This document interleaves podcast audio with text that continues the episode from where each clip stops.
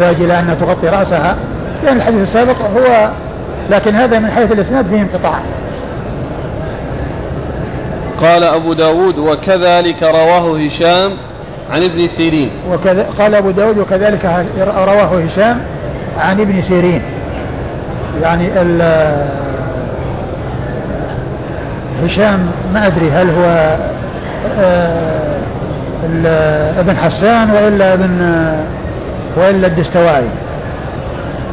وعلى كل كل منهما ثقة. إيش؟ هشام بن حسان راوية محمد بن سيرين. راوية محمد بن سيرين. على كل كل منهما ثقة.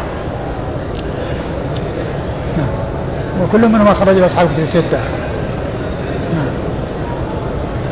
ثقة من أثبت الناس في ابن سيرين. إيه؟ نعم. الثاني من؟ نعم. الاحتمال الثاني من؟ هشام الدستوائي. هشام بن أبي عبد الله الدستوائي.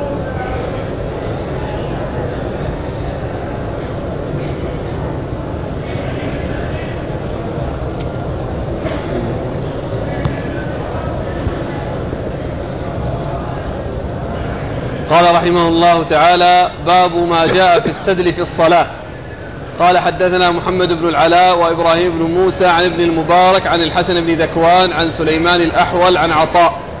قال إبراهيم عن أبي هريرة رضي الله عنه أن رسول الله صلى الله عليه وآله وسلم نهى عن السدل في الصلاة وأن يغطي الرجل فاه.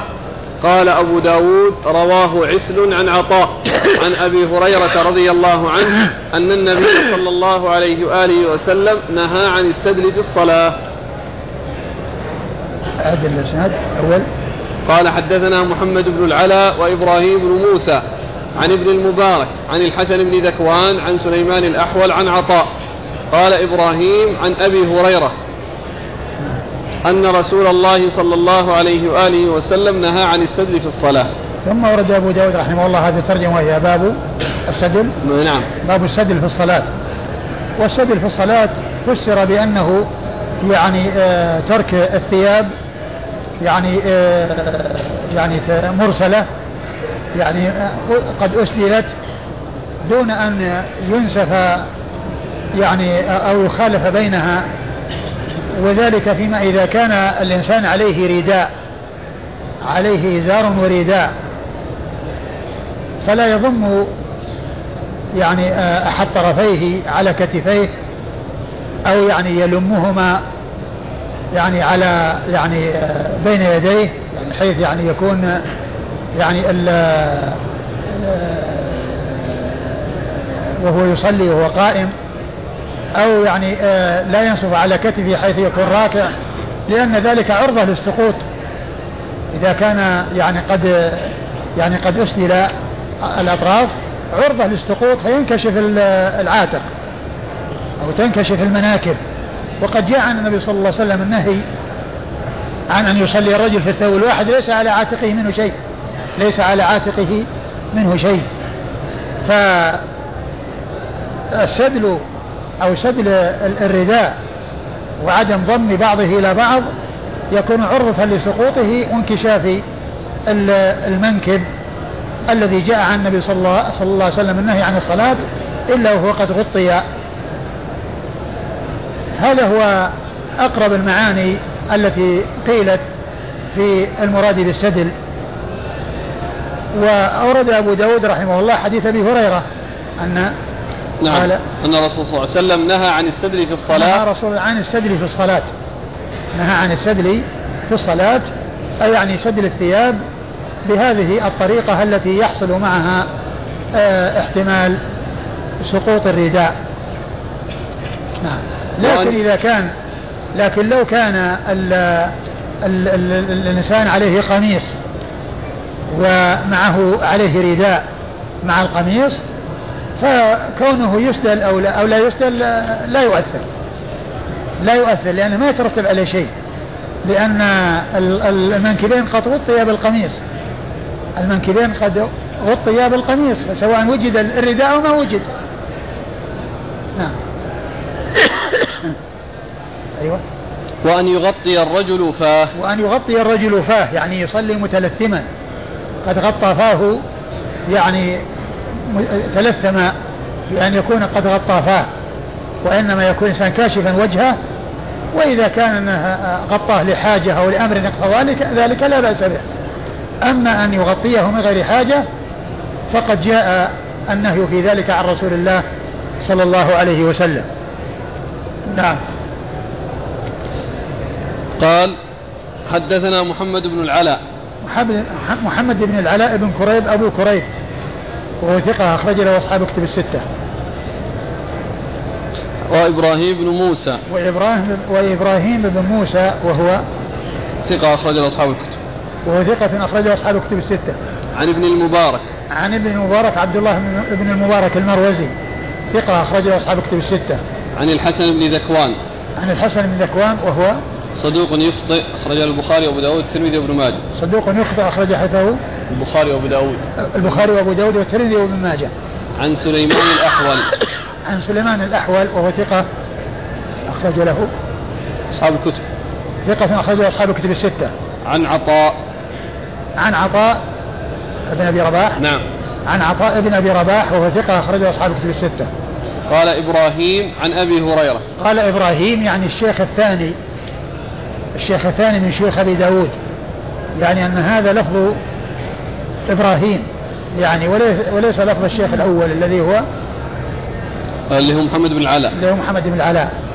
قال إبراهيم أي شيخه الثاني عن أبي هريرة أن رسول الله صلى الله عليه وسلم.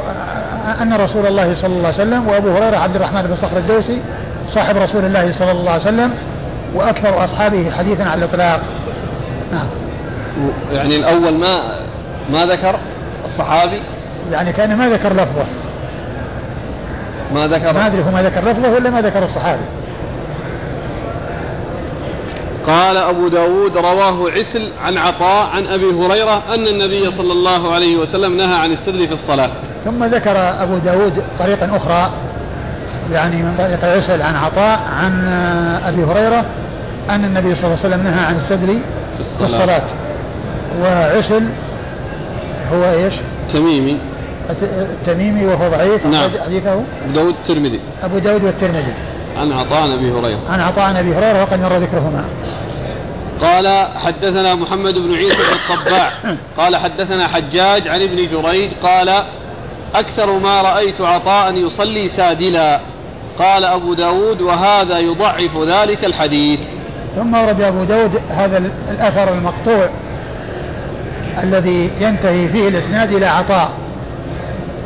والمقطوع عند المحدثين هو الذي ينتهي الإسناد فيه إلى من دون الصحابي لأنه إذا انتهى إلى رسول الله صلى الله عليه وسلم قيل له مرفوع وإن انتهى إلى إلى الصحابي قيل له موقوف.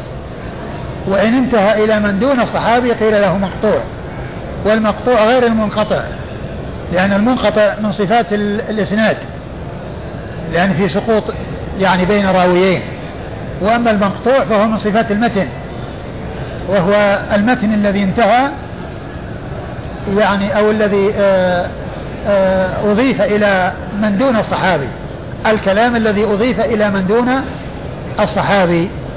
يعني جاء بإسناد إليه وانتهى إلى من دون الصحابي فيقال له مقطوع. آه قال أكثر من هو الذي يروي عن عطاء اللي أكثر ما ابن جريج. ابن جريج. أكثر ما رأيت عطاء يصلي سادلا. يصلي سادلا. وقال أبو داود وهذا يضعف هذا الحديث لأن عطاء هو الذي يروي الحديث ومع ذلك كان يسدل عطاء هو الذي روي جاء عنه الحديث عن رسول الله صلى الله عليه وسلم ومع ذلك كان يسدل فيعني كان يضعف فهذا يضعف الحديث. وفي الحقيقة هو لا يضعف الحديث لأنه أولا يمكن أن يكون يعني يسدل ويعني آه عنده شيء يعني يغطي آه منكبيه كالقميص.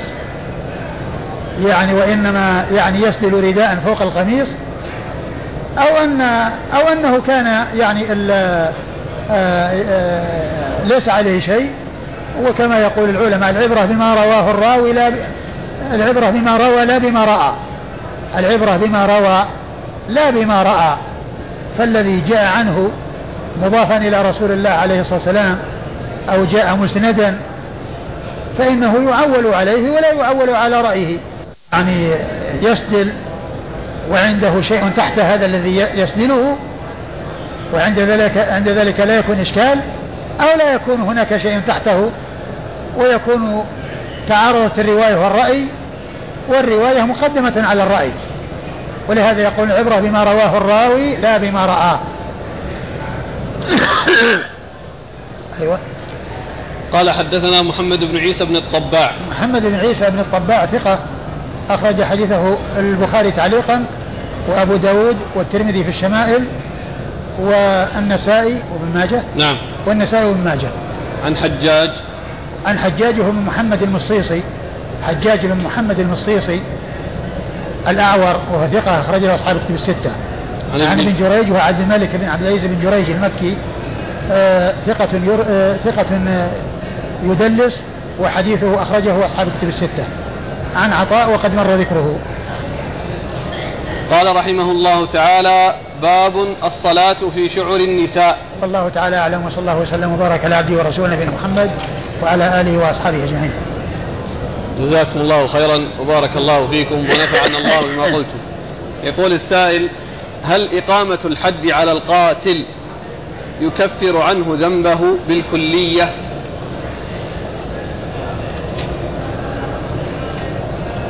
إقامة القصاص يعني يقتص منه. هذا نعم. يقول الحد. أقول القصاص كونه يقتص منه آه، هل يعني يعني يكفر عنه يعني ذلك وهل يعني المقتول يعني لا يكون له حق عليه في الآخرة. الله أعلم لا أدري. ذكر محمد بن إسحاق في كتابه السيرة المغازي. السيرة؟ أن إسافا ونائلة كانا بشرين فزنيا داخل الكعبة فمسخا حجرين فنصبتهما قريش تجاه الكعبة ليعتبر بهما الناس. فلما طال عهدهما عبدا ثم حولا إلى الصفا والمروة فنصبا هنالك فكان من طاف بالصفا والمروة يستلمهما. هل هذا الكلام صحيح؟ الصحة يعني كما هو معلوم يعني ما تعتبر إلا إذا وجدت الأسانيد وكانت سليمة. فهل يعني آه هذا الذي ذكره محمد بن إسحاق يعني مروي بإسناد أو مجرد يعني خبر؟ لا أدري.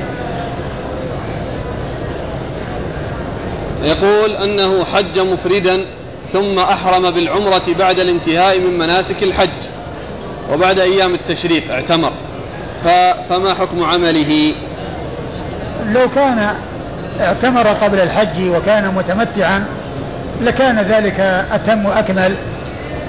وحيث لم يحصل ذلك وإنما حصل هذا نسأل الله يتقبل منه ولكن في المستقبل يعني ينبغي له أن يدخل مكة معتمرا.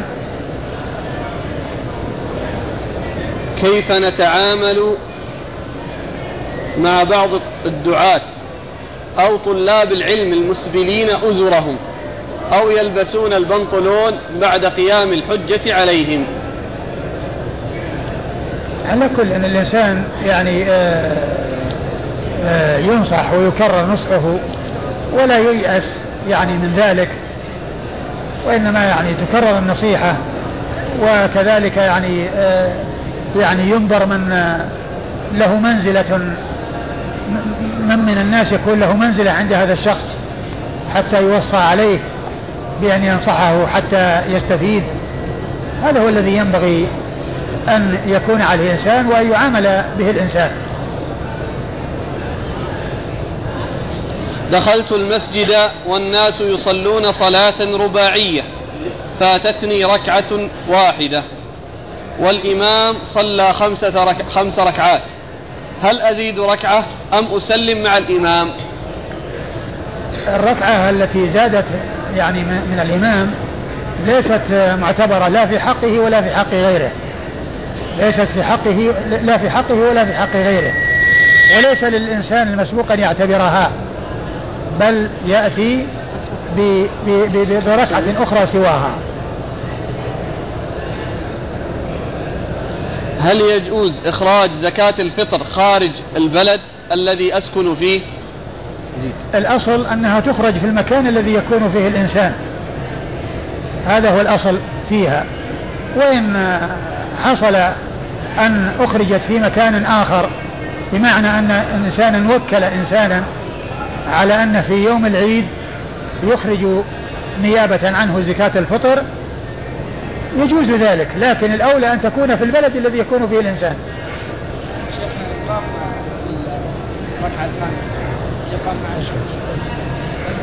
هل يجوز أن أصلي خلف من يقرأ فاتحة الكتاب مالك يوم الدين؟ لا يجوز أن يكون مثل هذا إماما.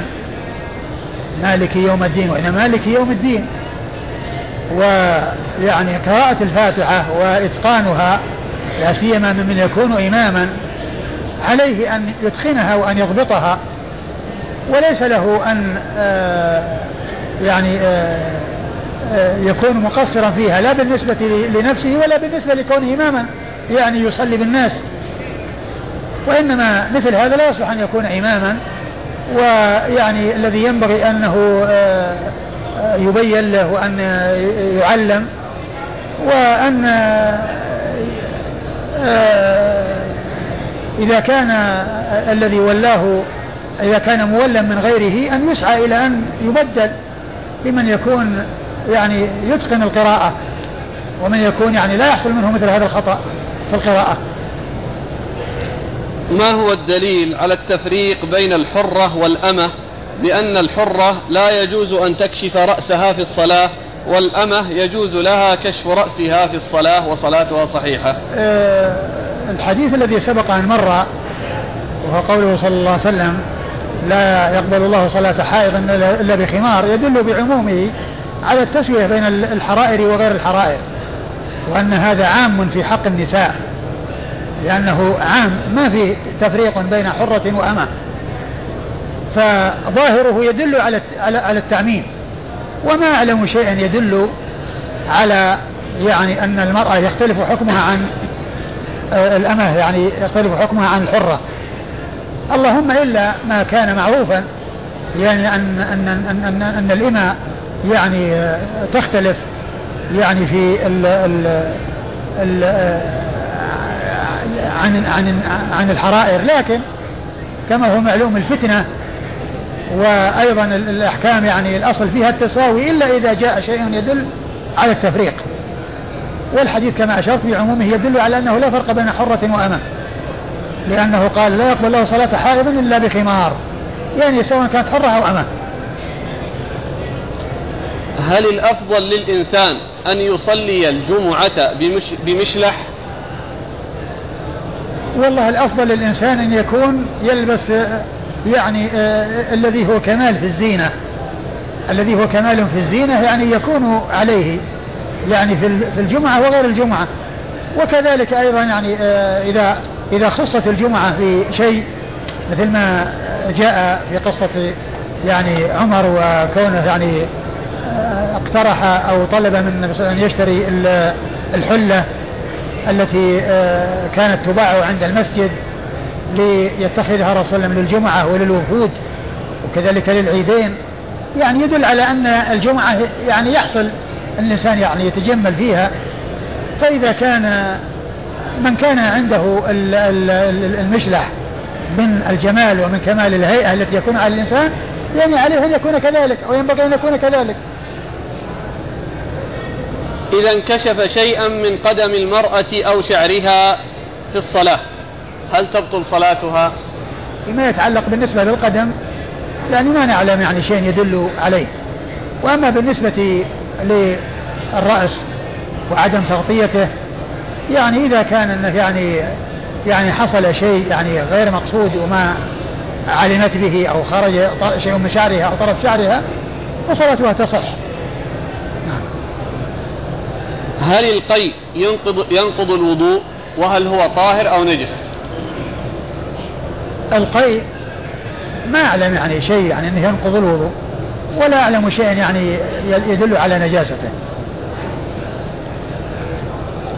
بالنسبة لتسييد الرسول صلى الله عليه وآله وسلم خارج الصلاة أيهما أفضل؟ تسييد أو, أو ترك ذلك؟ الصحابة رضي الله عنهم وأرضاهم وهم خير الناس ما كانوا يستعملون كلمة سيدنا أو كلمة سيدي وإنما هذا جاء من المتأخرين. ولم يكن معروفا عند صحابة رسول الله صلى الله عليه وسلم. والدليل على هذا أنك إذا قرأت صحيح البخاري أو صحيح مسلم أو أبا داود أو الترمذي أو النسائي أو غيره أو مسند الإمام أحمد الذي فيه أربعين ألف حديث أنك تجد الصحابي يقول قال رسول الله صلى الله عليه وسلم كذا. ما تجد أنه قال سيدنا رسول الله صلى الله عليه وسلم كذا. وإنما يذكرون وصفه بالرسالة عليه الصلاة والسلام. وقد قال الحافظ بن حجر في فتح الباري إن ذكر النبي صلى الله عليه وسلم بكنيته حسن وذكره بوصف الرسالة أحسن. وذكره بوصف الرسالة أحسن. فكانوا يذكرونه بوصف الرسالة وبوصف النبوة صلى الله عليه وسلم ولكنهم ما كانوا يقولون سيدنا مع أنه هو سيدهم وسيد الأولين والآخرين. سيد الناس أجمعين عليه الصلاة والسلام. وقد قال عليه الصلاة والسلام أنا سيد الناس يوم القيامة. ولا فخر. و وقال أنا سيد الناس يوم القيامة لأنه اليوم الذي يظهر فيه سودة على الجميع. وهو سيد وهو سيد الناس في الدنيا. لكن نص على الآخرة لأنه يظهر السؤدد على الجميع من لدن آدم إلى الذين قامت عن الساعة.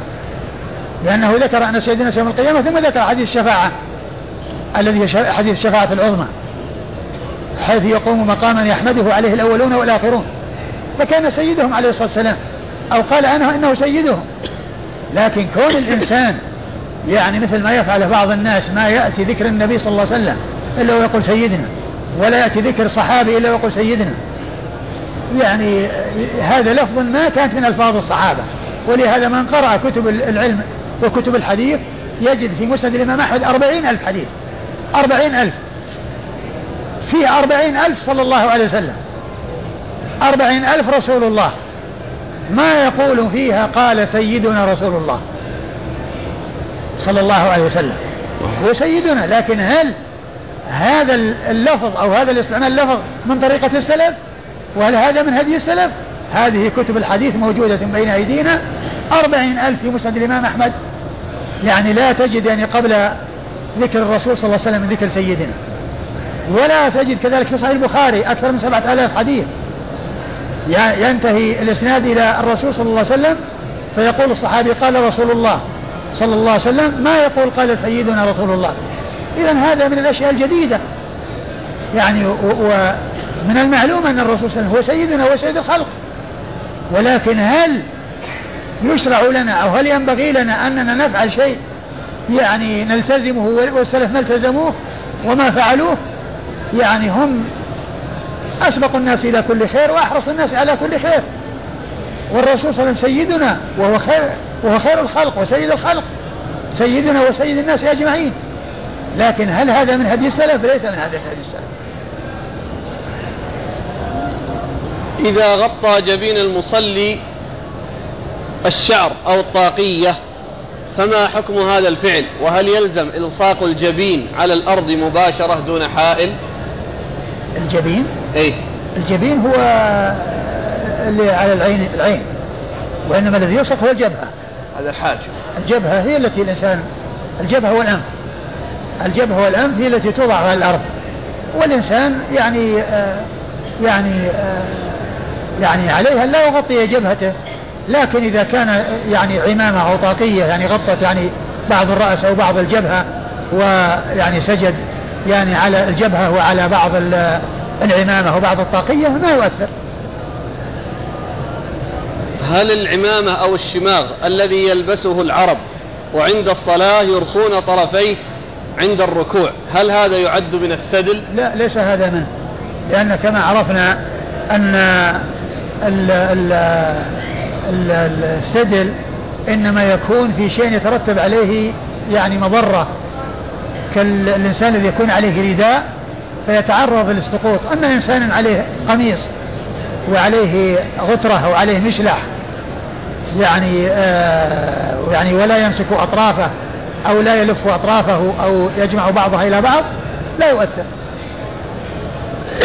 بعض النساء الكبيرات يتساهلن في تغطية الرأس عند الصلاة خاصة في البيوت فيلبسن ما يغطي الرأس ولكن أحيانا يظهر بعض الشعر والأذن.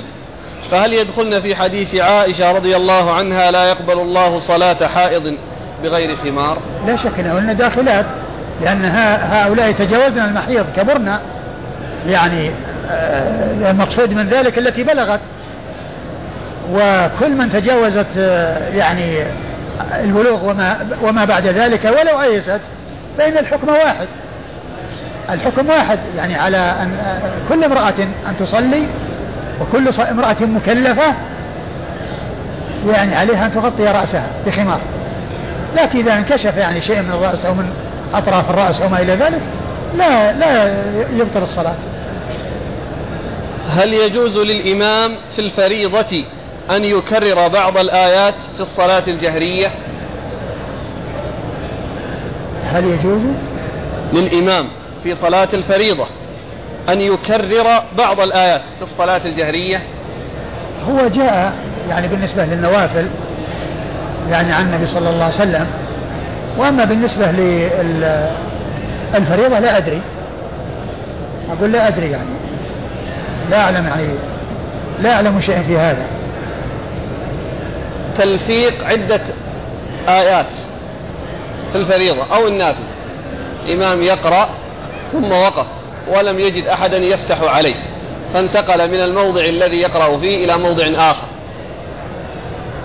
والله ما يعني كيف ينتقل إلى سورة ثانية إذا ما نفس السورة. إذا لم يجد أحد يفتح إذا لم يجد أحد يعني يفتح عليه يركع. أقول يركع وينتهي ما يعني يدخل نفسه في أشياء يعني غير يعني واضحة وإنما ينتهي بالركوع ويعني بانتهاء القيام. يعني ما يروح يواصل ويأتي بشيء يعني آه، ينتقل إلى سورة ثانية تشبه تشبه الموضع الذي أخطأ فيه. وإنما إذا كان أنه ما وجد أحد يفتح عليه يعني آه، يكبر ويركع. لأنه أحيانا هذا يكون ربما في أول الصلاة. أو يريد يصلي يطيب خاصة الفجر. وحتى لو كان في أول الصلاة ينبغي له أنه يعني ما يعني يقدم على قراءة إلا شيء هو متقن حفظه. ما يعني يروح يعني يقرأ في شيء لا يتقن حفظه وليس هناك أحد وراءه يعني يفتح عليه. كذلك لو كان وحده يصلي قيام الليل من حفظه. والرسول صلى الله عليه وسلم يعني كان يعني مرة صلى الفجر وقرأ فيها بالمؤمنون ولما جاء عند قصة موسى وهارون أصابته سعلة يعني حصل له سعال فركع صلى الله عليه وسلم وكان يريد أن يواصل. كان يريد أن يواصل لكن عندما جاء السعال يعني قطع المواصلة وركع صلى الله عليه وسلم. كذلك يا شيخ الحكم في النافلة يعني شخص يسأل يقول أنا في القيام الليل أقرأ أول البقرة هذا الذي أحفظ ثم أنتقل إلى آية الكرسي ثم بعد ذلك أنتقل إلى آخر البقرة هذا الذي أحفظه. لا الذي ينبغي له أنه يعني ما يعني يفعل بالركعة الواحدة هكذا وإنما يعني في ركعة يفعل كذا ثم الركعة الثانية يروح للمكان الآخر الذي يريد. أما كونه يعني آه، في نفس المكان يقفز من آية إلى آية أو ما إلى ذلك يعني في ركعة واحدة لا يفعل هذا. هل الأفضل لذاكر أذكار الصباح والمساء أن يرفع صوته أو يخفضه الله الذي الذي يبدو أن الإنسان يعني يخفض صوته. أقول يخفض صوته لا يرفعه. أردت أن أدعو أحد المشايخ لإلقاء كلمة للمدعوين في العقيقة فأنكر علي بعض طلبة العلم. فهل يجوز أن أقتصر الدعوة على السلفيين فقط دون غيرهم؟ العقيقة يعني بيجمع عليها الدنيا عاد يعني بيجمع عليها كل أحد. العقيقة يعني آه، لحم قليل يعني آه، يعني آه، لا يستفيد منه إلا القليل. وكون الإنسان يعني يدعو ناس يعني طيبين وناس يعني أتقياء يعني آه، على حسب علمه لا شك أنه الأولى مثل ما جاء في الحديث. لا يعني الحديث؟ إلا الا تصاحب الا ولا يأكل طعامك إلا تقي. نعم. هذا إمام قال محاضرة في نفس ها؟ حكم القاء محاضرة والله يعني ال ال ال يعني التزام يعني شيء يعني في المناسبات هذه ليس بوارد لكن كونه يحصل في بعض الأحيان يعني آآ آآ انتهاز الفرصة في كون الإنسان يعني يتكلم أو يعني آه، يحصل تذكير أو تنبيه على بعض الأمور بمناسبة الاجتماع لا بأس بذلك. جزاكم الله خيرا وبارك الله فيكم. بسم الله الرحمن الرحيم. الحمد لله رب العالمين. الصلاة والسلام على عبد الله ورسوله نبينا محمد وعلى آله وصحبه أجمعين. أما بعد قال الإمام أبو داود السجستاني رحمه الله تعالى باب الصلاة في شعر النساء. قال حدثنا عبيد الله بن معاذ قال حدثنا أبي قال حدثنا الأشعث عن محمد يعني بن سيرين عن عبد الله بن شقيق عن عائشة رضي الله عنها أنها قالت كان رسول الله صلى الله عليه وآله وسلم لا يصلي في شعرنا أو لحفنا. قال عبيد الله شك أبي. بسم الله الرحمن الرحيم. الحمد لله رب العالمين وصلى الله وسلم وبارك على عبده ورسوله نبينا محمد وعلى آله وأصحابه أجمعين. أما بعد يقول الإمام أبو داود السجستاني رحمه الله تعالى باب الصلاة في شعر النساء. والشعر جمع شعار وهو ما يلي الجسد كالإزار وما إلى ذلك وكذلك ما يوضع على الفراش أو ما يلتحف به مما يكون له اتصال بالجسد ومباشرة للجسد. هذا هو المقصود بالترجمة. وجاء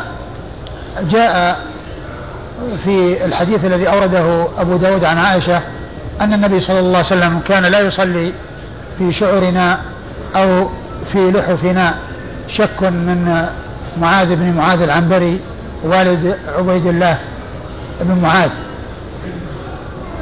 وقد جاء ما يدل على الصلاة فيها ويكون الترك مبني على ما إذا كان فيها شيء من النجاسة واستعمالها فيما إذا كانت آه، قد تحقق أنه ليس فيها شيء من النجاسة. وعلى هذا فالمدار على حصول نجاسة فيها وعدم الحصول. فإن كان فيها نجاسة فإنه لا يصلى فيها وإن كان وإن كانت خالية من النجاسة فإنه يصلى فيها. نعم. قال حدثنا عبيد الله بن معاذ. عبيد الله بن معاذ بن معاذ العنبري وهو ثقة أخرج حديثه البخاري ومسلم وأبو داود والنسائي. عن أبيه. عن أبيه معاذ بن معاذ العنبري ثقة أخرج له أصحاب كتب الستة. عن الأشعث. عن الأشعث وهو بن عبد الله وهو صدوق أخرج حديثه البخاري تعليقا وأصحاب السنن.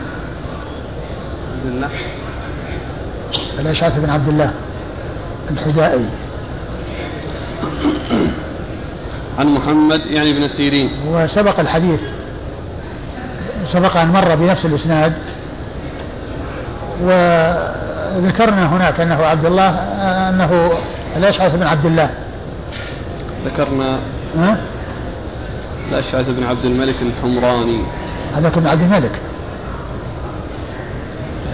367 إيه بس عبد هناك عبد الملك ولا في عبد الملك وفي عبد الله الأشعث بن عبد الله الحدائي والأشعث بن عبد الله الحمراني لا شوف وفيما مضى يعني ذكرنا أنه عبد الله وأنه صدوق أخرج حديث البخاري تعليقا وأصحاب السنة. بارك الله فيك ذكرنا أنه عبد الملك. ها؟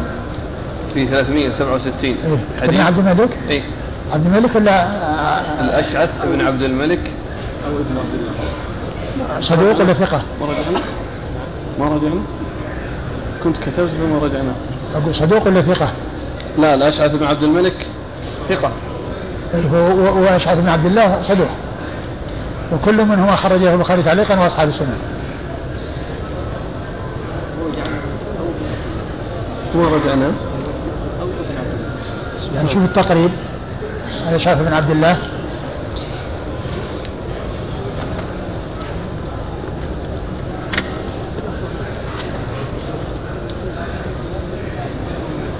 نعم. أشعث. ابن عبد الله بن جابر الحداني. نعم. أيوه. هو الأمر كما قلتم لكن أقول أنه في الإسناد الذي مر هناك اللي أذكر أن قلنا أنه الأشعث بن عبد الملك. فالآن بما أنه الإسناد هو نفسه إيه لماذا لا يكون ابن عبد الملك؟ لا بس هو هناك آه، نفس الإسناد. عبيد الله بن معاذ عن أبي عن أشعث. وش تقريب شو اسمه؟ وش طبقة هذا؟ أشعث بن عبد الله. الحد الحداني. آه، هذا في الخامسة. وعبد الملك؟ السادسة. السادسة. الخامسة والسادسة. أي. يعني عندكم عبد الملك في ذاك الأول؟ أنا عندي في نسختي على الأول كاتب عبد بن عبد الله. وصديق أخرج حديث البخاري تعليقا وأصحاب السنة. قلت أول ها؟ ما زين هذه كل حال. يعني ما أدري. الإخوان يقولون ابن عبد الله كاتبين. إيه أنا عندي عندي في نسختي بن عبد الله. أنا كتبت أول يا شيخ. إيه. إيه في الأول. أول نعم ونفس الإسناد هو. ابن عبد الله. ها؟ أقول بين كل إيه. يا عبد الملك أو أو ابن عبد الله خذوه يعني ذكرنا الاثنين؟ إي نعم يا كذا يا كذا. أنا اللي في بالي. والله ما أدري أنا في نسختي الذي عندي في ذاك الم... في في الموضع الأول آه، ابن عبد الله. لكن يعني يتحقق من هذا. يتحقق من هذا.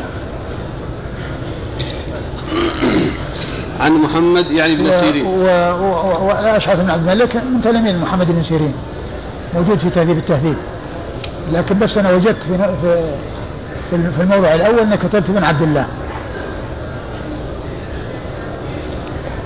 ما أدري يعني ال- يعني الوجه ذلك لكن ينبغي انه يتحقق من هذا.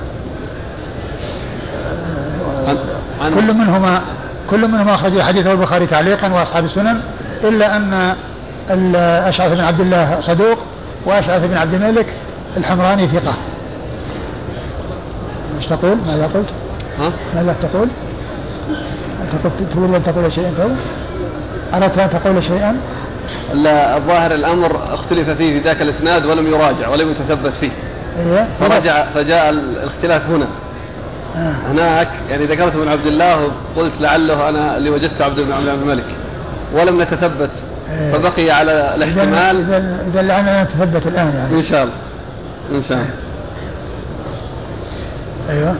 آه، عن محمد يعني بن سيرين. وهنا مكتوب آه، عن محمد. إيه. عن محمد. نعم. عن محمد بن سيرين. وهو, وهو ثقة أخرجه أصحاب كتب الستة. عن عبد الله بن شقيق. عن عبد الله بن شقيق وهو العقيلي. وهو ثقة أخرجه البخاري في الأدب المفرد ومسلم وأصحاب السنن. عن عائشة. مكتوب هنا عن عن عن شقيق. نعم. وهناك يعني ما في عن شقيق. وعبد الله بن ابن ابن شقيق يروي عن عائشة ويروي عن من هو متقدم على عائشة. يعني فما أدري كيف جاءت هذه اللي بين قوسين. يعني عن شقيق. شقيق آه، هو بن سلمة بن اللي هو أبو وائل لكن يعني وهو مخضرم. ما في شيء حتى في تحفة الأشراف ما في شقيق؟ لا يوجد شقيق حتى في تحفة الأشراف. اي نعم أقول يعني آه، الإسناد الأول ما في شقيق. الإسناد الأول خالي من ذكر عن شقيق. وإنما هو عن عبد الله بن شداد عن عن عبد الله بن شقيق عن عائشة. الموضع الأول الذي سبق أن مر. ف عن عائشة هذه عن عن عن شد عن شقيق يعني لعلها جاءت من ابن شقيق أن حصل فيها شيء. أقول لعلها من ابن شقيق أن حصل يعني شيء من من اللبس أو كذا. وعبد الله بن بن شقيق عن عائشة. قال عبيد الله شك أبي. قال عبيد وعائشة هي أم المؤمنين الصديقة بنت الصديق. آه، أحد أوعي من, من, أوعية السنة وحفظتها وحديثها وهي واحدة من سبعة أشخاص عرفوا بكثرة الحديث عن النبي صلى الله عليه وسلم. قال عبيد الله شك أبي يعني إن الشك الذي في الحديث يعني شعرنا أو لحوفنا إنما هو الشك إن آه، الذي حصل منه الشك هو معاذ بن معاذ العنبري. كما ذكر ذلك ابنه عبيد الله حيث قال شك أبي. يعني شك أبي فقال شعورنا أو لحوفنا.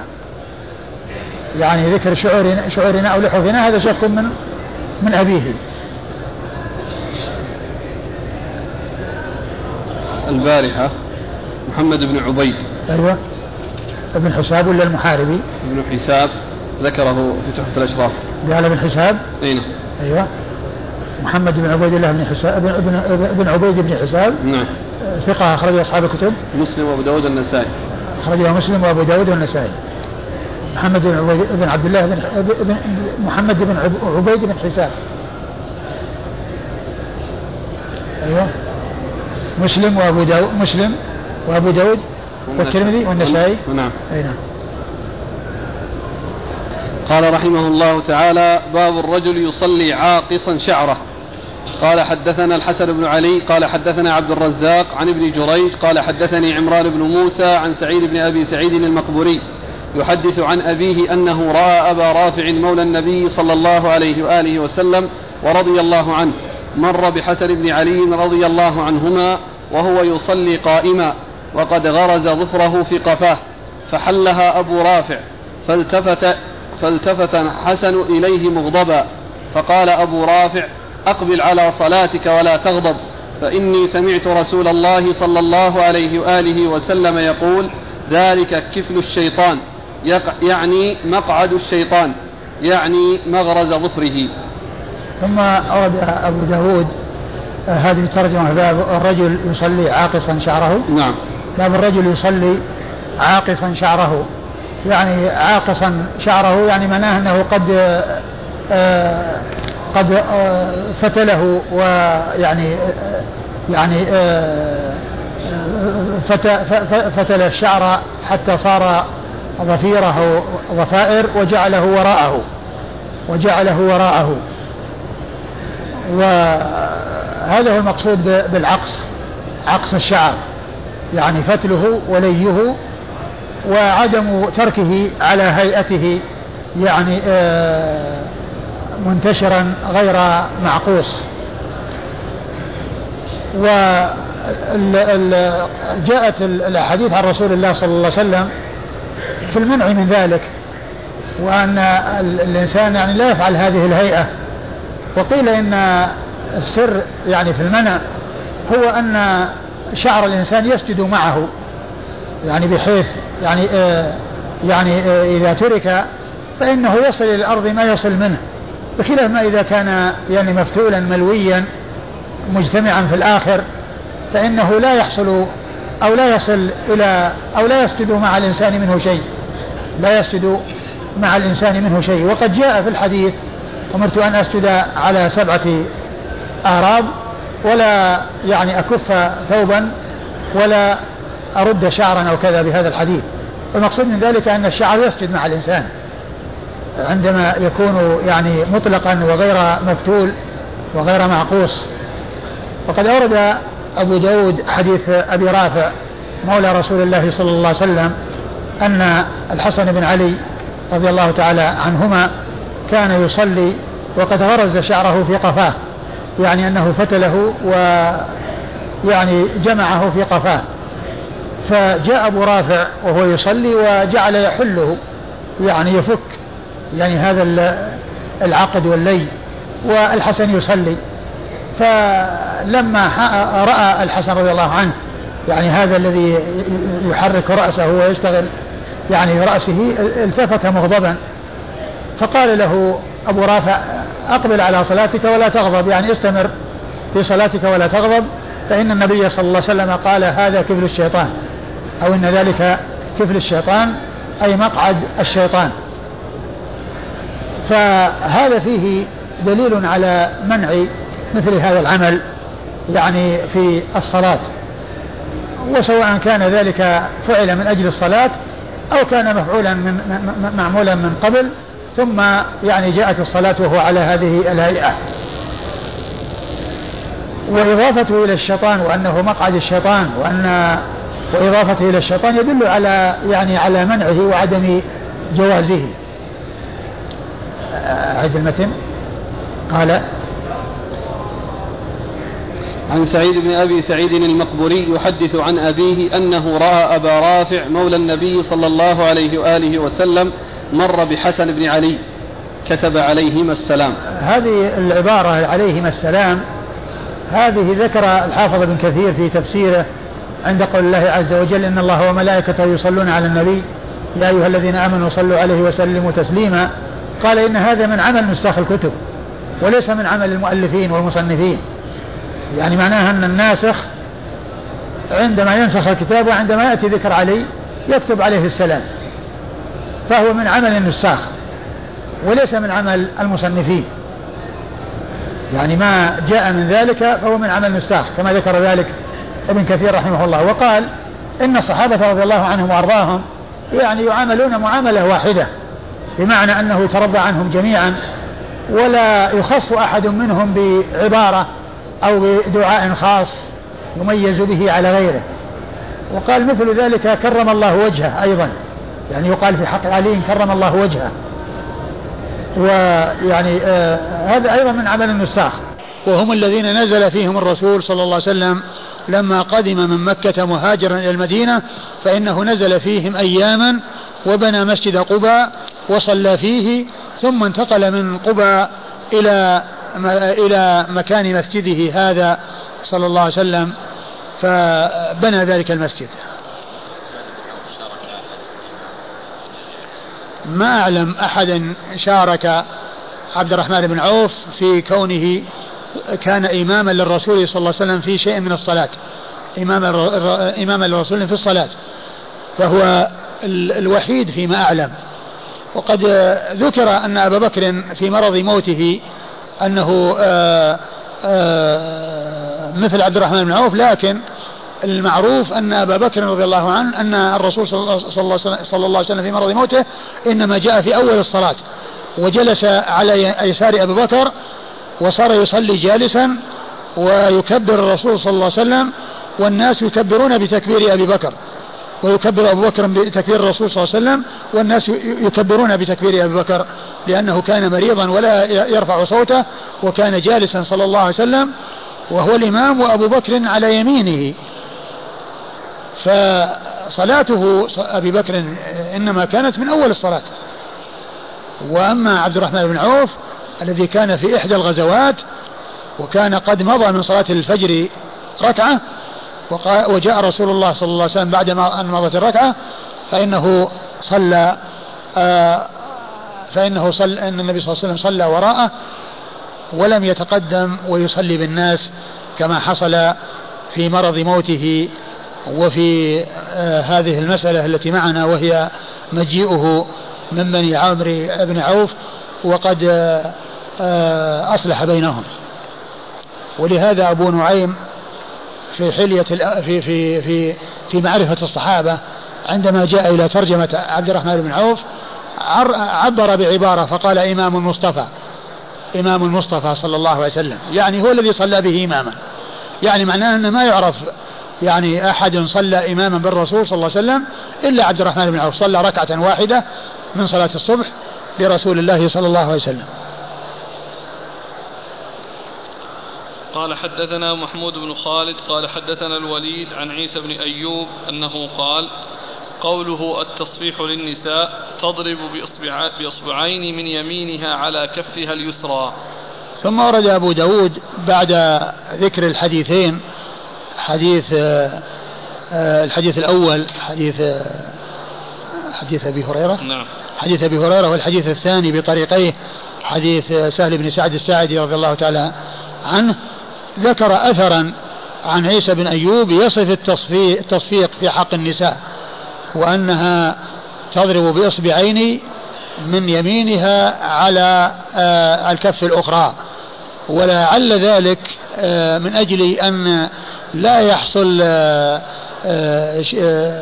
ارتفاع قوة التصفيق.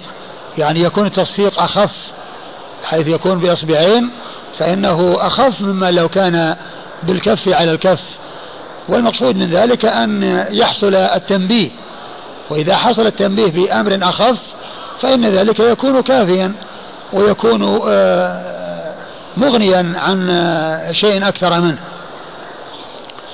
وهذا يعتبر يسمونه في علم المصطلح المقطوع يعني كون الإسناد ينتهي إلى التابعي أو من دون التابعي يقال له مقطوع وهو غير المنقطع لأن المنقطع هو السقوط في الإسناد وأما المقطوع فهو المتن الذي انتهى إلى التابع أو من دونه فالمقطوع من صفات المتن والمنقطع من صفات الإسناد.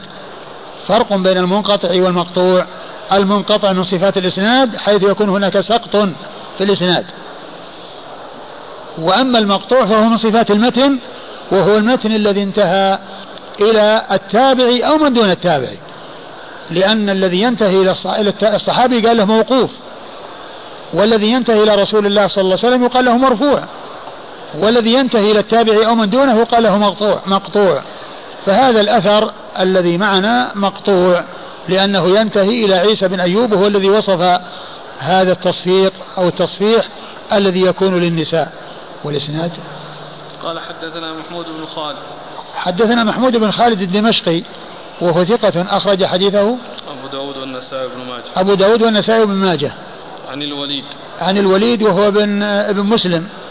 الوليد بن مسلم الدمشقي. وهو ثقة أخرج له أصحاب كتب الستة. عن عيسى بن أيوب. عن عيسى بن أيوب وهو صدوق أخرج له أبو داود وحده.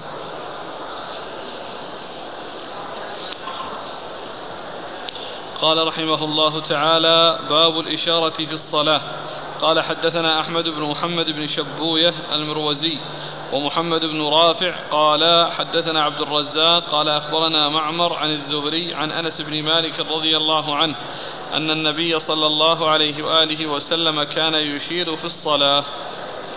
ثم أورد أبو داود رحمه الله الإشارة في الصلاة. الإشارة في الصلاة. يعني كل إنسان يشير يعني بيده لأمر من الأمور والإشارة إذا كانت لحاجة قد جاءت بها السنة عن رسول الله صلى الله عليه وسلم. وأما إذا كانت لغير ذلك فلا يسوغ أو لا تسوغ الإشارة لغير حاجة.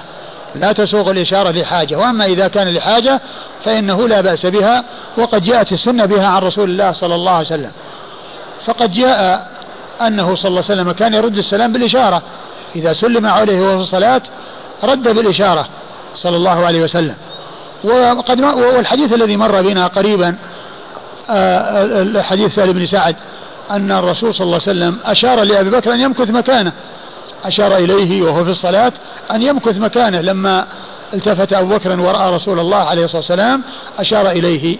فالإشارة للحاجة سائغة وقد جاءت بها السنة عن رسول الله عليه الصلاة والسلام. وأما إذا كانت خير لغير حاجة فإنها لا تسوغ ولا تجوز. أورد أبو داود رحمه الله حديث حديث. أنس. حديث أنس بن مالك رضي الله عنه. أن النبي صلى الله عليه وسلم كان يشير في الصلاة. أي يشير للحاجة. يعني إذا كان هناك حاجة للإشارة فإنه كان يشير. وذلك مثل الإشارة في السلام ومثل إشارته في حديث سهل الذي آه، مر قبل هذا الحديث. نعم. قال حدثنا أحمد بن محمد بن شبوية. أحمد بن محمد بن شبوية المروزي هو ثقة أخرج له أبو داود. ثقة أخرج له أبو داود وحده. ومحمد بن رافع. ومحمد بن رافع النيسابوري القشيري وهو ثقة أخرج له آه، أصحاب الكتب الستة إلا من ماجه. عن عبد الرزاق. عن عبد الرزاق بن همام الصنعاني اليماني وهو ثقة أخرج له أصحاب الكتب الستة. عن معمر. عن معمر بن راشد الأزدي البصري ثم اليماني. وهو ثقة أخرج له أصحاب الكتب الستة. عن الزهري. عن الزهري ومحمد بن مسلم ابن عبيد الله بن شهاب الزهري ثقة فقيه أخرج له أصحاب الكتب الستة. عن أنس بن مالك رضي الله عنه خادم رسول الله صلى الله عليه وسلم وأحد السبعة المعروفين بكثرة الحديث عن النبي صلى الله عليه وسلم من أصحابه الكرام رضي الله تعالى عنهم وأرضاهم. وهذا الحديث فيه الزهري وهو من صغار التابعين. يروي عن أنس بن مالك وهو من صغار الصحابة. هو من صغار الصحابة. وقد عمر وعاش حتى أدركه صغار التابعين. ومنهم الزهري الذي يروي عنه هنا. فالزهري من صغار التابعين وأنس بن مالك من صغار الصحابة. وصغار التابعين يروون عن صغار الصحابة لأنهم أدركوا صغار الصحابة. قال حدثنا عبد الله بن سعيد قال حدثنا يونس بن بكير عن محمد بن إسحاق عن يعقوب بن عتبة بن الأخنس عن أبي غطفان. عن أبي هريرة رضي الله عنه أنه قال قال رسول الله صلى الله عليه وآله وسلم التسبيح للرجال يعني في الصلاة والتصفيق للنساء من أشار في صلاته إشارة تفهم عنه فليعد لها يعني الصلاة. قال أبو داود هذا الحديث وهم. ثم ورد أبو داود حديث أبي هريرة رضي الله تعالى عنه أن النبي صلى الله عليه وسلم قال التسبيح التسبيح للرجال والتصفيق للنساء آه، من نابه من أشار في من أشار في صلاته إشارة تفهم عنه فليعد لها أي يعد للصلاة يعني معناه أنه يعيد الصلاة وأنه يستأنفها. و فليعد لها أي يعد لصلاته. وهذا يحمل على ما إذا كان لغير حاجة. أما إذا كان لحاجة فقد جاءت السنة عن رسول الله صلى الله عليه وسلم. و... والحديث غير ثابت عن رسول الله صلى الله عليه وسلم. فيه يعني من هو متكلم فيه يعني في روايته. وفيه أيضا أن أبا داود رحمه الله قال هذا وهم. يعني هذا الحديث وهم. نعم. قال حدثنا عبد الله بن سعيد. عبد الله بن سعيد آه، هو أبو هو أبو سعيد الأشج وهو؟ ثقة أخرج أصحاب الكتب. وهو ثقة أخرج أصحاب الكتب الستة. عن يونس بن بكير. عن يونس بن بكير وهو صدوق يخطئ أخرج له. البخاري تعليقا ومسلم وأبو داود والترمذي وابن ماجه. البخاري تعليقا ومسلم وأبو داود والترمذي وابن ماجه. عن محمد بن إسحاق. عن محمد بن إسحاق المدني وهو صدوق يدلس وحديثه أخرجه البخاري تعليقا ومسلم وأصحاب السنن وهو هنا يروي بالعنعنة يروي بالعنعنة. والمدلس إذا روى بالعنعنة ولم يأتي ما يقوي روايته فإنه آه، لا يثبت الحديث بذلك نعم. عن؟ عن يعقوب بن عتبة بن الأخنس. عن يعقوب بن عتبة بن الأخنس وهو ثقة أخرج له. أصحاب الكتب أخرج له أبو داود والنسائي وابن ماجه. وهو ثقة أخرج له أبو داود والنسائي وابن ماجه. عن أبي غطفان. عن أبي غطفان وهو اسمه؟ قيل اسمه سعد بن طريف أو بن مالك المري المدني. ثقة أخرج له مسلم وأبو داود والنسائي بن ماجه. وهو ثقة أخرج له أخرج له مسلم وأبو داود مسلم وأبو داود والنسائي والنسائي بن ماجه. أخرج له مسلم وأبو داود والنسائي وابن ماجه يعني ما خرج له البخاري ولا الترمذي. وبعض العلماء تكلم في أبي غطفان لكن آه لكن وثق والحافظ في التقريب ممن وثقه. وعلى هذا فيكون آه تدليس أو رواية محمد بن إسحاق الذي آه حديثه يكون حسنا إذا سلم من التدليس هو هنا قد روى بالعنعنة. نعم. وفيه أيضا يونس بن بكير صدوق يخطئ. وقول أبي داود هو هذا وهم لا أدري. يعني آه إيش يعني آه مقصوده من هذا. يعني في كونه الوهم حصل في هذا الحديث. لكن من حيث الإسناد فيه من هو فيه صدوق يخطئ وفيه من هو مدلس وقد روى بالعنعنة. ها؟ أبو غطفان اسمه إيش؟ هو؟ قيل إيش؟ سعد. قيل سعد. قيل في اسم أبيه. قيل قيل سعد. اسمه سعد. قيل ابن طريف أو ابن مالك المري المدني. نعم. أخرجه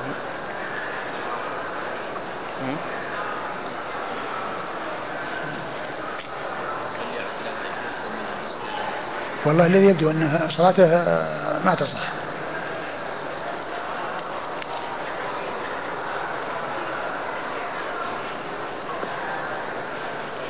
قال رحمه الله تعالى باب في مسح الحصى في الصلاة.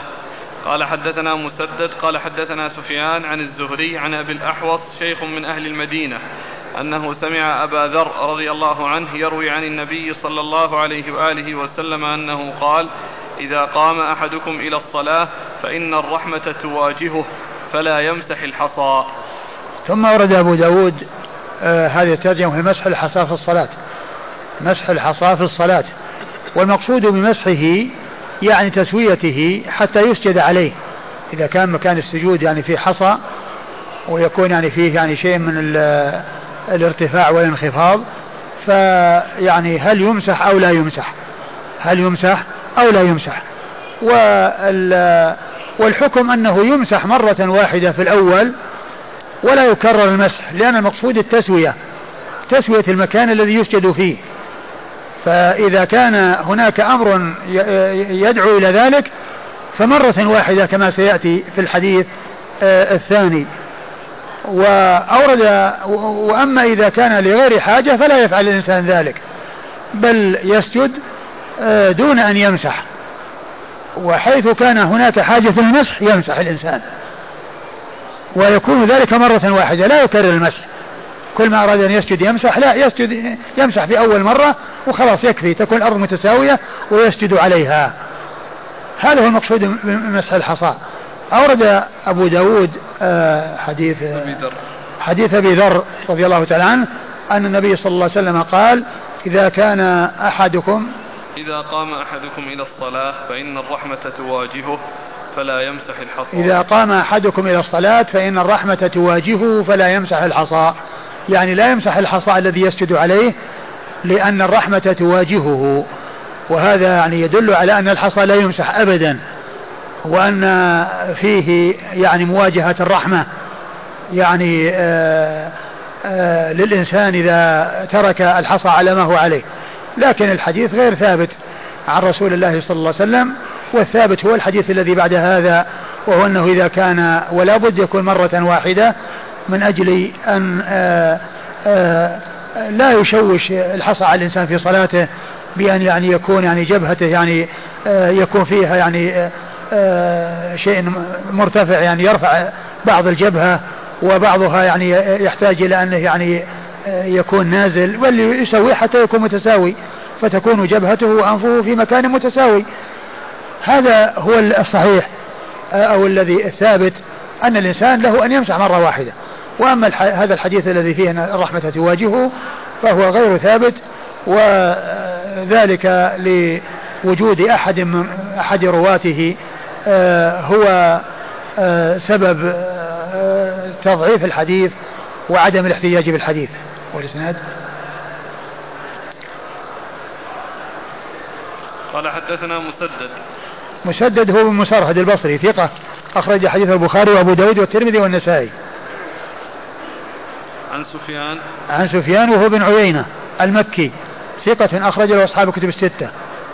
عن الزهري؟ عن الزهري وقد مر ذكره. عن أبي الأحوص؟ عن أبي الأحوص وهو شيخ من أهل المدينة وهو أبو الأحوص الذي سبق أن مر بنا قريبا يروي عن أبي ذر ويروي عنه الزهري وذلك في حديث آه، حديث لا يقبل الله لا يزال الله مقبلا على العبد ما لم يلتفت.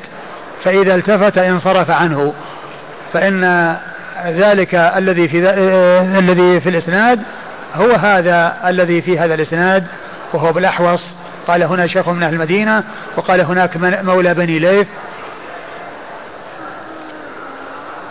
وهو يروي عن الزهري لا يروي عنه إلا الزهري لم يروي عنه إلا الزهري.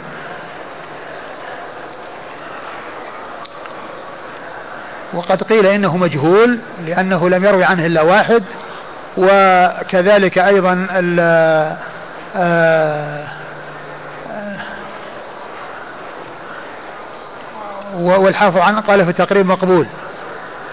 والحافظ قال في التقريب مقبول. وقالوا إنه مجهول لأنه لم يروي عنه إلا واحد وهو الزهري نعم أخرج له أخرج له. أخرج له أبو داود وحده أخرج له أصحاب السنن. أخرج أصحاب السنن؟ ها؟ نعم. أخرج له أصحاب السنن. عن أبي ذر. عن أبي ذر جندب بن جنادة رضي الله تعالى عنه صاحب رسول الله صلى الله عليه وسلم وحديثه أخرجه أصحاب كتب الستة.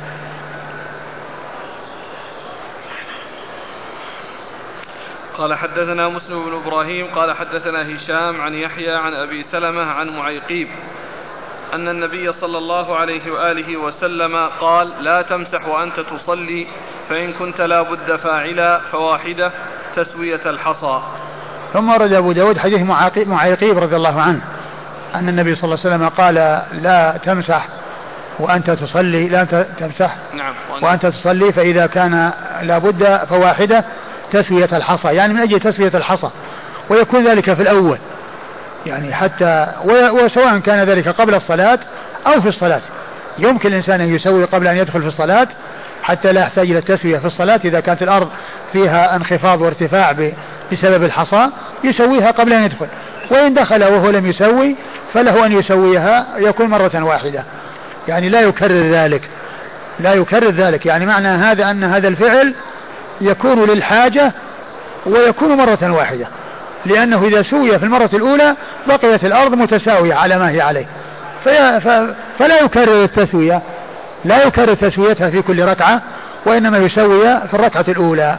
وهذا هو ال ال هو الثابت عن رسول الله صلى الله عليه وسلم. وذلك لأن فيه مصلحة.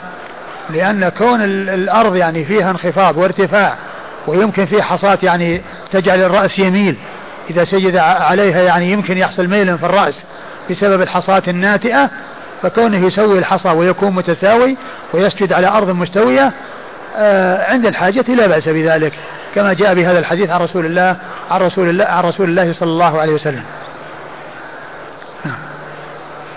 الاسناد قال حدثنا مسلم بن إبراهيم مسلم بن إبراهيم الفراهيدي وهو ثقة أخرج له أصحاب كتب الستة.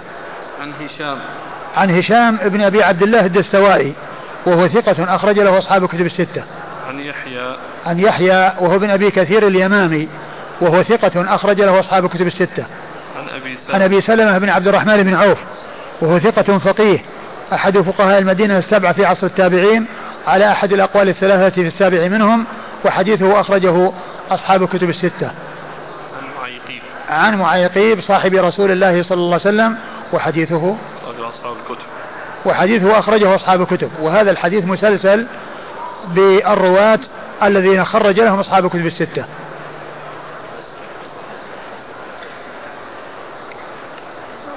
ما ينبغي الإنسان أن يمسح. ما ينبغي الإنسان أن يمسح لأنه سبق أن مر بنا أن الرسول صلى الله عليه وسلم لما يعني صلى وانصرف إلى الناس على وجهه أثر الماء والطين. على وجهه أثر الماء والطين. يعني فمعنى هذا أن الإنسان لا يمسح في الصلاة يعني ما يعلق في جبهته وإنما يتركه. نعم. يمكن أن يؤخذ لكن الحديث يعني هو تسوية الحصى والحصى إنما هو في الأرض. لكن كون الإنسان يعني آه، آه، يمسح وجهه في كل مرة يعني أو يكرر المسح عنه. يعني ما هناك ما يترتب على ذلك مضرة في وجود التراب على جبهته أو وجود الغبار على جبهته في صلاته. يعني الحديث يمكن أن يفهم منه فهما وإلا فإنه نص على تسوية الأرض وتسوية الحصى اللي في الأرض. والحصى لا يكون في الوجه وإنما الذي يكون الوجه في التراب أو شيء يعلق غبار أو تراب. ولكن ما ينبغي الإنسان أنه يعني يمسح وجهه كل ما سجد يروح يمسح وجهه. يعني يتركه ولا يمسحه ولكن يمسح مرة واحدة في الأرض من أجل تسوية الأرض حتى لا يحصل فيها انخفاض وارتفاع.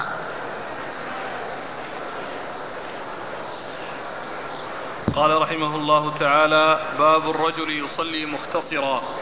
قال حدثنا يعقوب بن كعب قال حدثنا محمد بن سلمة عن هشام عن محمد بن سيرين عن أبي هريرة رضي الله عنه أنه قال نهى رسول الله صلى الله عليه وآله وسلم عن الاختصار في الصلاة. قال أبو داود يعني يضع يده على خاصرته. ثم ورد أبو داود هذه الترجمة وهي باب النهي عن ال... باب الرجل يصلي مختصرا. باب الرجل يصلي مختصرا. يعني ما حكم ذلك؟ يعني لا يسوق. لكن ما المراد بالاختصار؟ سبق لأبي داود رحمه الله أن عقد ترجمة فقال باب التخصر والإقعاء في الصلاة. باب التخصر والإقعاء في الصلاة. وأورد حديث عبد الله بن عمر الذي فيه الرجل الذي صلى بجواره ووضع يده على خاصرته ولما هذا نهاه آه، عبد الله بن عمر وقال هذا هو الصلب في الصلاة وقد نهى عنه رسول الله صلى الله عليه وسلم. وهناك أتى بالترجمة بالتخصر و وجاء التنصيص على الفعل بكونه وضع يده على خاصرته في الحديث. ولكن هنا قال باب الاختصار في الصلاة. مع أن وهناك أورد حديث ابن عمر وهنا أورد حديث أبي هريرة. هناك أورد حديث ابن عمر وهنا أورد حديث أبي هريرة. والمعنى واحد من حيث أن الاختصار هو وضع اليد على الخاصرة. ولكن لماذا أعاد الترجمة؟ قال لأن في لأن في احتمالات. يعني قالها بعض أهل العلم للاختصار وتفسير الاختصار. أما ذاك ما في احتمالات. لأن هناك قال وضع يده على خاصرته فنهاه. وأما هنا قال قال لا يصلي لا يصلي الرجل. نهى الرسول صلى الله عليه وسلم عن الاختصار في الصلاة. هنا. نهى الحديث نفسه.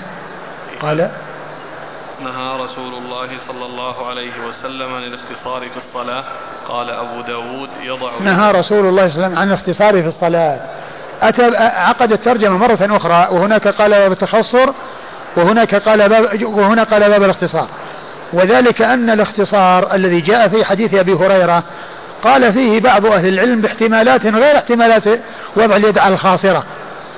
وهو أن من أهل العلم من قال يعتمد على مخصرة وهي العصا. مخصرة وهي العصا. فلما كان هناك احتمالات أتى بهذا الحديث في هذا الباب وفسره أبو داود بأنه وضع اليد على الخاصرة وعقبه بالباب الذي فيه الاعتماد على العصا. عقد عقبه بباب فيه الاعتماد على العصا.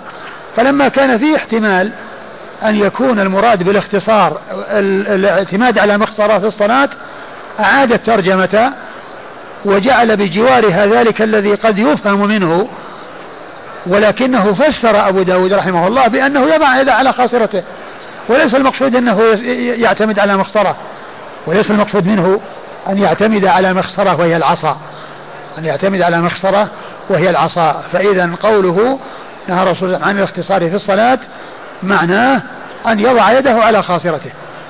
ويكون مثل حديث ابن عمر الذي سبق أن مر في ترجمة باب التخصر في الصلاة. هذا هو السبب الذي جعل لعل هذا هو السبب الذي جعل أبا داود رحمة الله عليه يعقد هذه الترجمة آه، مع أن تلك الترجمة السابقة تشابهها لدفع آه، ليبين أن الاحتمال أو غير وضع اليد على الخاصة احتمال أنه غير صحيح ولهذا فسر هو ذلك بقوله يضع يده على خاصرته وأتى بعده بالحديث الذي هو الاعتماد على العصا في الصلاة. نعم. قال حدثنا يعقوب بن كعب. حدثنا يعقوب بن كعب وهو وهو ثقة أخرجه أبو داود وحده. عن محمد بن سلمة. عن محمد بن سلمة الباهلي الحراني وهو ثقة أخرج حديثه آه، آه، البخاري في جزء القراءة ومسلم وأصحاب السنن. ومحمد بن سلمة هذا آه، إذا جاء في طبقة شيوخ شيوخ أبي داود. محمد بن سلمة فالمراد به الباهلي الحراني. وإذا جاء في طبقة شيوخ أبي داود محمد بن سلمة فالمراد به المرادي المصري. لأن هناك محمد بن سلمة اثنان. محمد بن سلمة المرادي المصري وهذا شيخ أبي داود. فإذا جاء في شيوخ أبي داود محمد بن سلمة فالمراد به المصري. وإذا جاء في طبقة شيوخ شيوخه محمد بن سلمة فالمراد به الباهلي الحراني. وأبو داود لم يدركه ولم يروي عنه إلا بواسطة. فبهذا يميز بين المصري والحراني بأن من يأتي شيخا لأبي داود فهو المصري ومن يأتي شيخا لشيخ أبي داود فهو الحراني. أيوة. عن هشام. عن هشام وهو بن حسان. ثقة أخرجه أصحاب الكتب الستة. محمد بن سيرين ثقة أخرجه أصحاب الكتب الستة. عن أبي هريرة وقد مر ذكره. والله تعالى أعلم وصلى الله وسلم وبارك على عبده ورسوله نبينا محمد وعلى آله وأصحابه أجمعين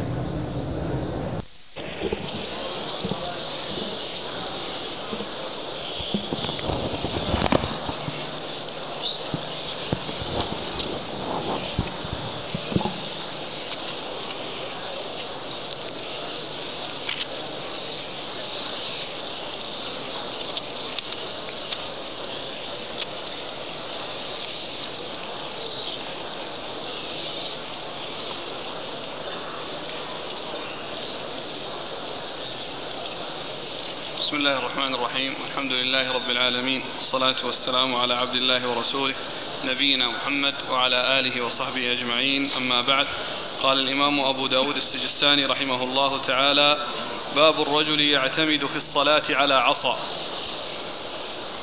قال حدثنا عبد السلام بن عبد الرحمن الوابصي قال حدثنا أبي عن شيبان عن حسين بن عبد الرحمن عن هلال بن إيساف قال قدمت الرقة فقال لي بعض أصحابي هل لك في رجل من أصحاب النبي صلى الله عليه وآله وسلم؟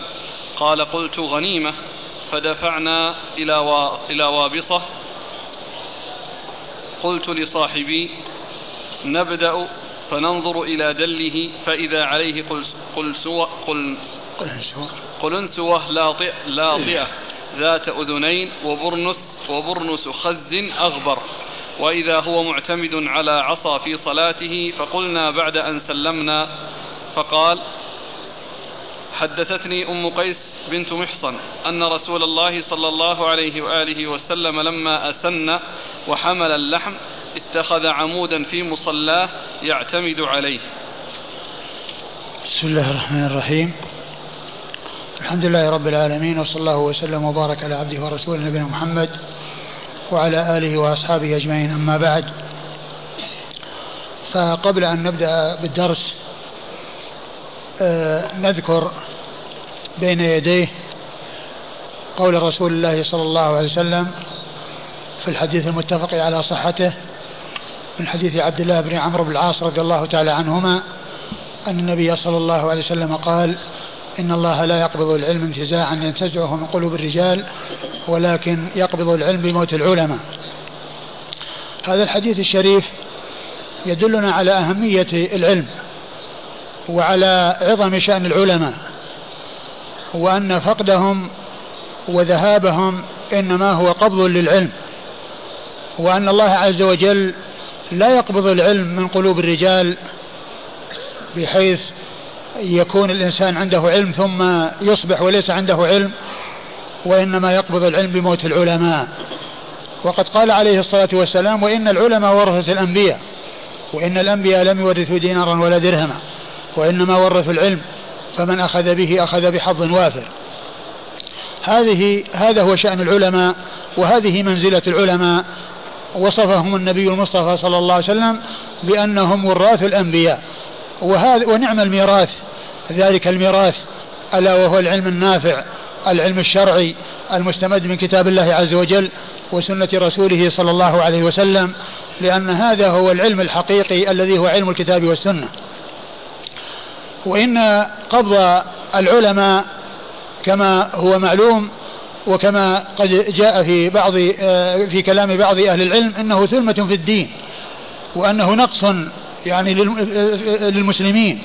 إذا ذهب العلماء الذين يرجعون إليهم ويستفيدون من علمهم ويدلونهم ويبصرونهم فإن ذلك نقص كبير على الناس.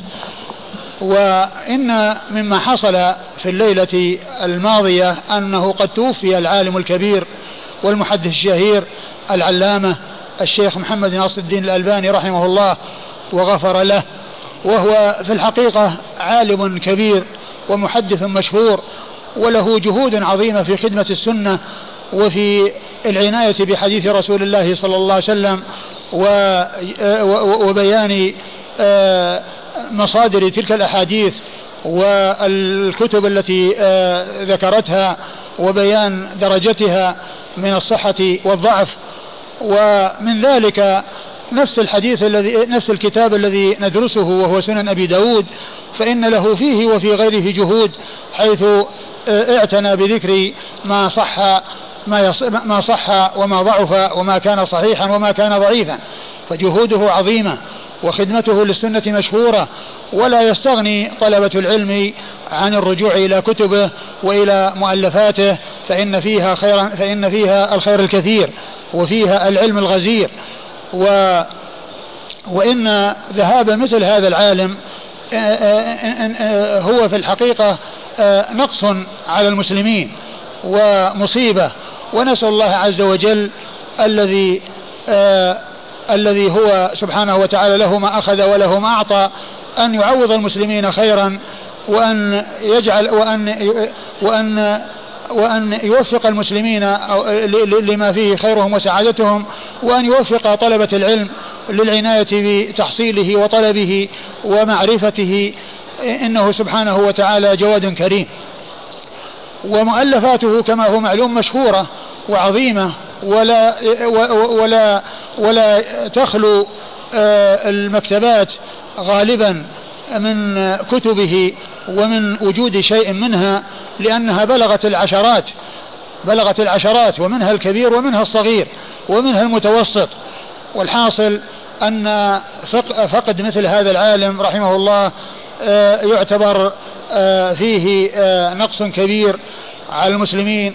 فنسأل الله عز وجل أن يعوض المسلمين خيرا وأن يوفق طلبة العلم لتحصيل العلم النافع والعمل به إنه سبحانه وتعالى جواد كريم.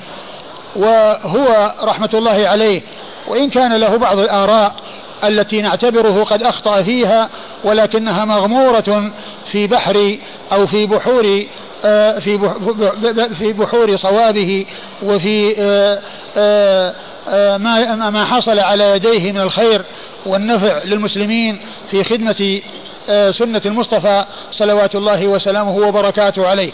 وهذه الأمور التي حصل منه أن التي نعتبرها أخطاء هو مجتهد فيها هو مجتهد فيها وهو مأجور على اجتهاده ولكن ذلك لا يجعل الإنسان يتساهل أو يتهاون يعني في علمه الكثير وفي علمه الغزير وفي نفعه العظيم ونفعه العميم فإنه بحق من العلماء الأفذاذ الذين كانوا في هذا العصر والذين لهم جهود في خدمة سنة رسول الله صلى الله عليه وسلم.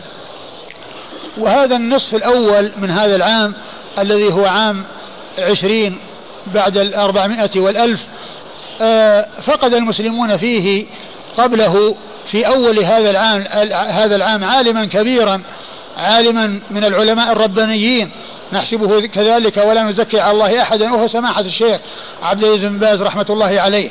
فإن هذا النصف الأول من هذا العام الهجري قد مات في أول هذا النصف وفي الشهر الأول منه سماحة الشيخ عبد العزيز بن باز رحمة الله عليه وتوفي في آخر النصف الأول من هذا من, من, من هذا العام آه هذا العالم الكبير وهذا المحدث المشهور الشيخ محمد ناصر الدين الألباني رحمه الله عز وجل. وقد توفي بينهما آه آه الشيخ عطيه محمد سالم رحمه الله الذي كان يدرس على هذا الكرسي. فهؤلاء علماء قد فقدناهم في نصف هذا العام وفي النصف الأول من هذا العام. ونسأل الله عز وجل أن يغفر للجميع وأن يتجاوز عنهم وأن يرفع درجاتهم. فإن فإن هذين العالمين فيما نحسب آه، من العلماء الكبار الجهابذة المحققون الذين عندهم العناية الفائقة وعندهم الهمة العالية وقد حصل آه، على يديهم الخير الكثير وحصل بسببهم النفع العظيم للإسلام والمسلمين فجزاهم الله عز وجل أحسن الجزاء وغفر لهم وتجاوز عن سيئاتهم وختم لنا جميعا بخاتمة السعادة. إنه سبحانه وتعالى جواد كريم. ثم نبدأ بترجمة أبي داود وهو باب, باب المصلي يعتمد في صلاته على العصا. باب المصلي يعتمد في صلاته على العصا. يعني هل له ذلك أو ليس له ذلك؟ آه المصلي إذا كان محتاجا إلى أن يستعمل العصا وأن يعتمد عليها في قيامه فله ذلك. وقد جاء عن بعض الصحابة رضي الله عنهم وأرضاهم أنهم كانوا آه يفعلون ذلك. وجاء في ذلك هذا الحديث الذي أورده أبو داود في هذا الباب ولكنه حديث ضعيف غير ثابت عن رسول الله صلى الله عليه وسلم. حديث ضعيف غير ثابت عن رسول الله صلى الله عليه وسلم وممن ضعفه العالم المحدث ال الذي توفي في الليلة الماضية الشيخ محمد ناصر الدين الألباني رحمه الله. هذا الحديث عن آه عن أم محصن أخت آه آه, أم محصن؟ أم قيس بنت أم قيس بنت محصن. أم قيس بنت محصن أخت عكاشة بن محصن الأسدية رضي الله تعالى عنها أن النبي صلى الله عليه وسلم لما أسن كان له عمود في مصلاه يعتمد عليه. كان هناك عمود في مصلاه يعتمد عليه. هناك عمود. لما أسن وحمل اللحم اتخذ عمودا في مصلاه يعتمد عليه. لما أسن وحمل اللحم اتخذ عمودا في مصلاه يعتمد عليه. هذا هو حديث أم حديث أم قيس بنت محصن الأسدية أخت عكاشة بن محصن رضي الله تعالى عنهما. ومقتضاه أنه أن النبي صلى الله عليه وسلم كان يفعل ذلك لكن هذا لم يثبت عن رسول الله صلى الله عليه وسلم لأن الحديث فيه من هو ضعيف ولا يحتج بحديثه ولا يعول على حديثه في إسناده من لا يحتج به ولا يعول على حديثه. فالحديث غير ثابت عن رسول الله صلى الله عليه وسلم ولكن جاء عن بعض الصحابة أنهم كانوا يفعلون ذلك في صلاة التراويح أنهم كانوا يفعلون ذلك في صلاة التراويح. ومن المعلوم أن القيام في الصلاة أنه آه، من أركان الصلاة مع القدرة عليه وإذا كان الإنسان يقدر أن يقوم ولكنه يحتاج إلى أن يعتمد عصا على عصا فله ذلك. وقد جاء عن بعض الصحابة الكرام رضي الله تعالى عنهم وأرضاهم. وكان سبب الحديث أن أن أحد الرواة أحد رواته جاء إلى مكان يقال له الرقة وهي بلد معروف آه، جاء إليه فقيل له هل لك آه، في آه، رجل من أصحاب رسول الله صلى الله عليه وسلم؟ يعني هل لك رغبة في أن تلتقي برجل من أصحاب رسول الله صلى الله عليه وسلم؟ وهذا يدلنا على أن الصحابة الكرام رضي الله عنهم وأرضاهم لما كانوا موجودين وفي زمن التابعين كان التابعون يعتبرون تحصيلهم من من أعظم المكاسب ومن أجل المكاسب ومن أعظم الغنائم. وكانوا يحرصون على أن يلقوا أصحاب رسول الله صلى الله عليه وسلم لأن الصحابة هم الذين رأوا النبي صلى الله عليه وسلم. فالذي يلقاهم ينظر العيون ينظر إلى العيون التي نظرت إلى رسول الله صلى الله عليه وسلم لأن عيون الصحابة رأت رسول الله صلى الله عليه وسلم. ولهذا كان التابعون هم الذين يلون الصحابة وقرن التابعين يلي قرن الصحابة. لأن الصحابة هم الذين رأوا النبي صلى الله عليه وسلم والتابعون هم الذين رأوا العيون التي رأت النبي صلى الله عليه وسلم.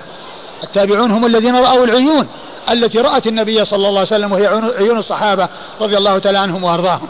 فقيل له هل لك آه أن, آه أن تلقى آه هل لك في آه رجل من أصحاب رسول الله؟ يعني هل لك رغبة في أن تلقاه؟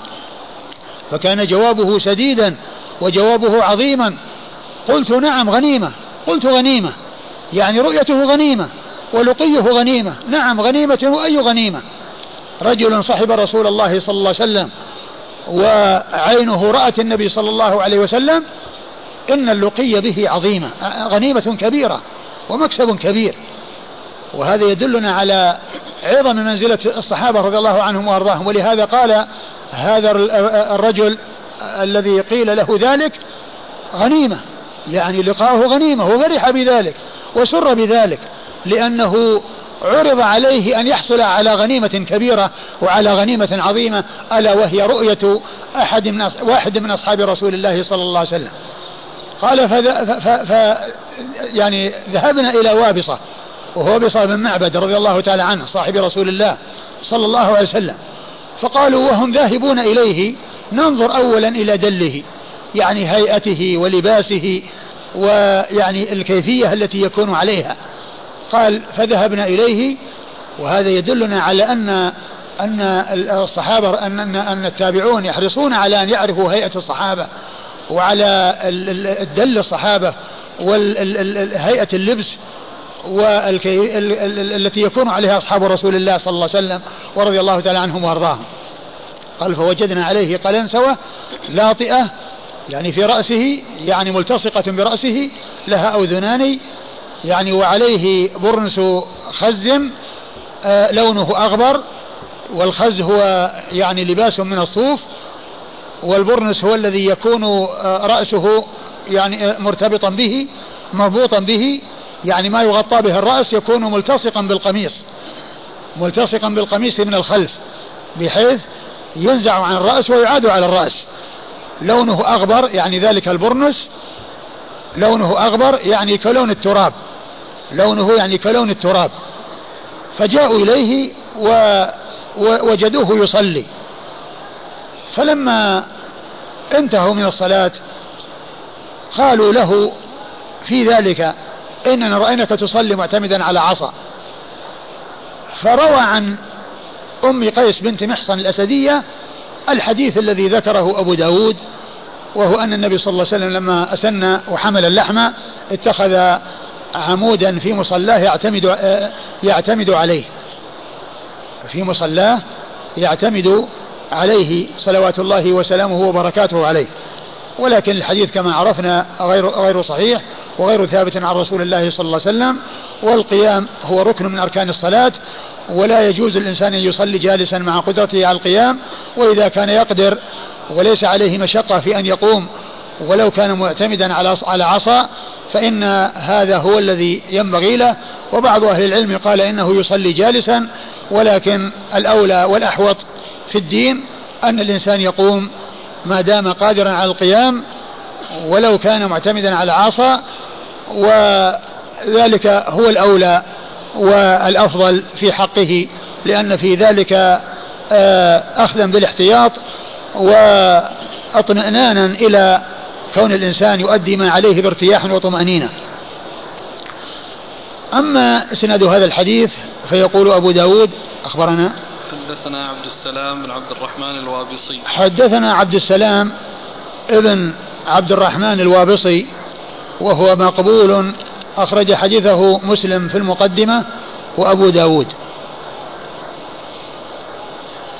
عن أبيه عن أبيه عبد الرحمن بن صخر الوابسي وهو مجهول. وهو, وهو مجهول أخرج له أبو داود وحده. عن شيبان. عن شيبان وهو بن عبد الرحمن.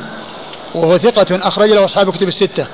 عن حسين بن عبد الرحمن. عن حسين بن عبد الرحمن السلمي وهو ثقة أخرج له أصحاب كتب الستة. عن حسين بن عبد الرحمن. عن حسين بن عبد الرحمن السلمي وهو ثقة أخرج له أصحاب كتب الستة. عن هلال بن يساف. عن هلال بن يساف وهو ثقة.